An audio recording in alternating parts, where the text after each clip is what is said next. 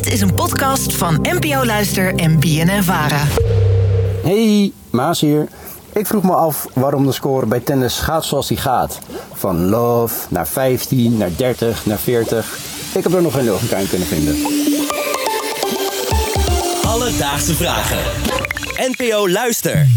Maas uit Amsterdam, dankjewel voor het insturen van je vraag. Ja, deze week vindt natuurlijk de tennisfinale van de US Open plaats. Merel, ben jij eigenlijk een tennisliefhebber? Nee. Nee? Kort maar krachtig, nee. Maar ik moet erbij zeggen, wat ik wel leuk vind aan tennis, aangezien het tot de topsporten hoort, eh, dat ik wel het idee heb dat bijvoorbeeld vrouwentennis eh, echt gewoon wel een serieus genomen sport is. Ja. Anders dan bijvoorbeeld bij vrouwenvoetbal, Ja. dat nu pas een beetje opkoming is. Nee, dat is, heb je daar heb je al gelijk in. Denk ik, voor mij was het echt eh, Dank je. al lang. Daarvoor was eh, vrouwentennis ook al echt eh, nou, een topsport. Werd Ja, er werd gewoon niet zo neerbuigend over gedaan of wordt niet zo neerbuigend over gedaan. Volgens mij verdienen ze wel nog steeds minder. Dat weet ik niet zeker, maar het zou me niks verbazen. Nou, terug naar de vraag van Maas. Ja, de tennisregels zijn dus blijkbaar behoorlijk verwarrend. Vond ik zelf ook wel, voordat ik het spel kende en speelde. Eh, maar cabaretier Martijn de Koning heeft er ooit wat over gezegd. En die valt denk ik wel goed samen wat die verwarring nu precies is. Tennis is ook verzonnen door de grootste valspeler die er ooit in de sport heeft rondgelopen. Dus gewoon een gast komt niet tegen zijn verlies. Die heeft gewoon ter plekke de regels verzonnen. Komt niet tegen zijn verlies, heeft ter plekke de regels verzonnen. Ging gewoon twee gasten voor het eerst tennissen zo. Pa, pa, en die andere gast die hij scoort zo'n punt zo. Boom. En die andere gast zo. Oké, 1-0 voor jou. Nee, 15-0. 15-0 voor mij. 30-0, 30-0 alweer. Lekker bezig, Goertjan. Lekker bezig, 30-0. Wat de fuck is dit nou weer, weet je wel? Dan ging die ballen goed terug staan, zo bam, op een gegeven moment zo 15-30. En die andere gast scoort nog zo'n punt, zo boom, 30-30. En hij scoort nog zo'n punt, zo bam. Hij is oké, 45-30. Nee, 40-30. 40-30 voor jou. Bij de derde keer is er in één keer 10 punten erbij in plaats van 15. Het is eh, alleen de eerste twee keer eh, zo. Het gaat niet van 1, 2, 3, 4, maar het gaat met 15, 30, 40 game. Oké, en een game, dat is goed, toch? Een game is goed. Je moet meerdere games winnen voordat je een set kan winnen. Ja, en als je die set maar hebt. Precies. Mhm. Oké, Heel Ik doe basaal. alsof ik het begrijp, maar ga door. Toch wel een best gek systeem. En om uit te zoeken waar dit vandaan komt, belde ik met Marcella Mesker. Zij is een voormalig toptennister en is tegenwoordig tenniscommentator bij NOS Sport.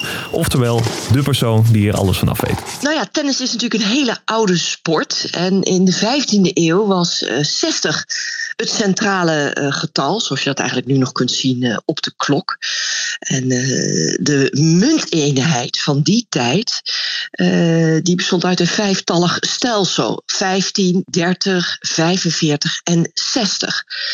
En de meest aanmerkelijke eh, of aannemelijke eh, versie van de tennispuntentelling is dat er werd gewed op een wedstrijd. Eh, wedstrijd, zegt het al, wedden. En dan werd er een inzet gedaan bij de netpaal. Inzet, daar komt ook het woordje set vandaan. Ook nog even leuk om te weten. En dan werd er dus een muntje neergelegd. Nou, een muntje van 15 of een muntje van 30 of van 45 of van 60. En zo werd er steeds met een muntje werd er gegokt op wie het punt ging winnen. Oh, wat grappig, want zelfs dat van die munteenheden wist ik niet dat dat zo ingedeeld was. Was dat in Groot-Brittannië? Dat is wel mijn associatie bij tennis. Het komt uit Frankrijk. Oké, zullen ze leuk vinden in Groot-Brittannië. Ja, het, is, eh, we hebben veel aan de Brits te danken, maar niet eh, het tennisspel. Dat puntentelsysteem, dat heeft dus een oorsprong in geld en wedden. Want Wat grappig. Marcella vertelde mij dat dat vroeger wedden was echt, nou dat deden de mensen. Ja, En, dat is eh, wat de mensen deden. In de aflevering over speelkaarten werd ook een hoop gegokt hoor. Het is toch eh, het primaire tijdsverdrijf eh, Ja, mensen vroeger. We hebben met tennis natuurlijk ook dat gekke juice. Zegt jou dat iets? Ja, juice kanalen zeggen mij wat. Ja, dat zijn juice kanalen. maar ik heb het nu over ja, juice ook. Je Oh, spelt het alleen. deuce. Ja, deuce. D-E-U-C-E. E Nou, anyway, dat heb je dus ook. En dat heb je als je allebei de partijen 40 punten hebben. Dus ja, ik moest ook even aan Marcella vragen, waar komt dat dan vandaan? Juice is natuurlijk ook een, een, een gek woord. Dat komt weer uit de Franse taal, waar eigenlijk het tennis ooit in de middeleeuwen is begonnen met het jeu de paume.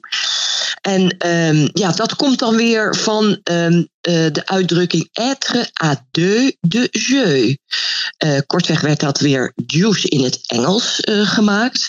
En dat betekende être à deux de jeu, dat je de jeu, eh, jeu is spel, dat je twee punten achter elkaar moest winnen voor de game. Oké, Aaron, ik wil heel even een woordelijk potje met je tennissen. Is goed. Ik win iets, want ik mag serveren en ik, dat doe ik goed. Dan heb ik 15 punten. Dan heb jij 15 punten. Begin ik dan weer of begin jij dan? In één game serveert één iemand de hele tijd. Dus als dus jij dan- begint, dan blijf je de hele game serveren. Ja, oké. dus dan ga ik weer serveren en dan win jij. Dan is het 15-15. Oké, tot zover. En dat kan dus tot 40 gebeuren. Ja. En dan hebben we een nieuw eh, element Ja, in het spel en dat is de deuce. ja.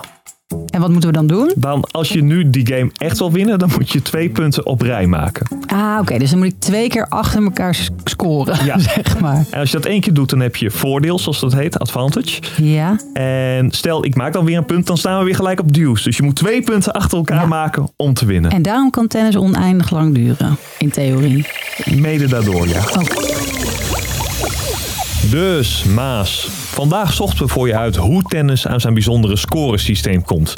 En daarvoor moeten we terug naar de 15e eeuw, waar de geschiedenis van tennis al begint.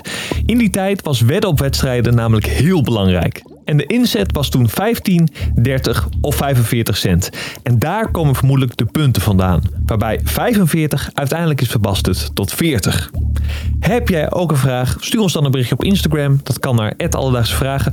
Maar je mag ons ook een mailtje sturen. En dat kan naar alledaagsvragen.bnnvara.nl En dan zoek ik het voor je uit. Alledaagse vragen. NPO Luister. BNN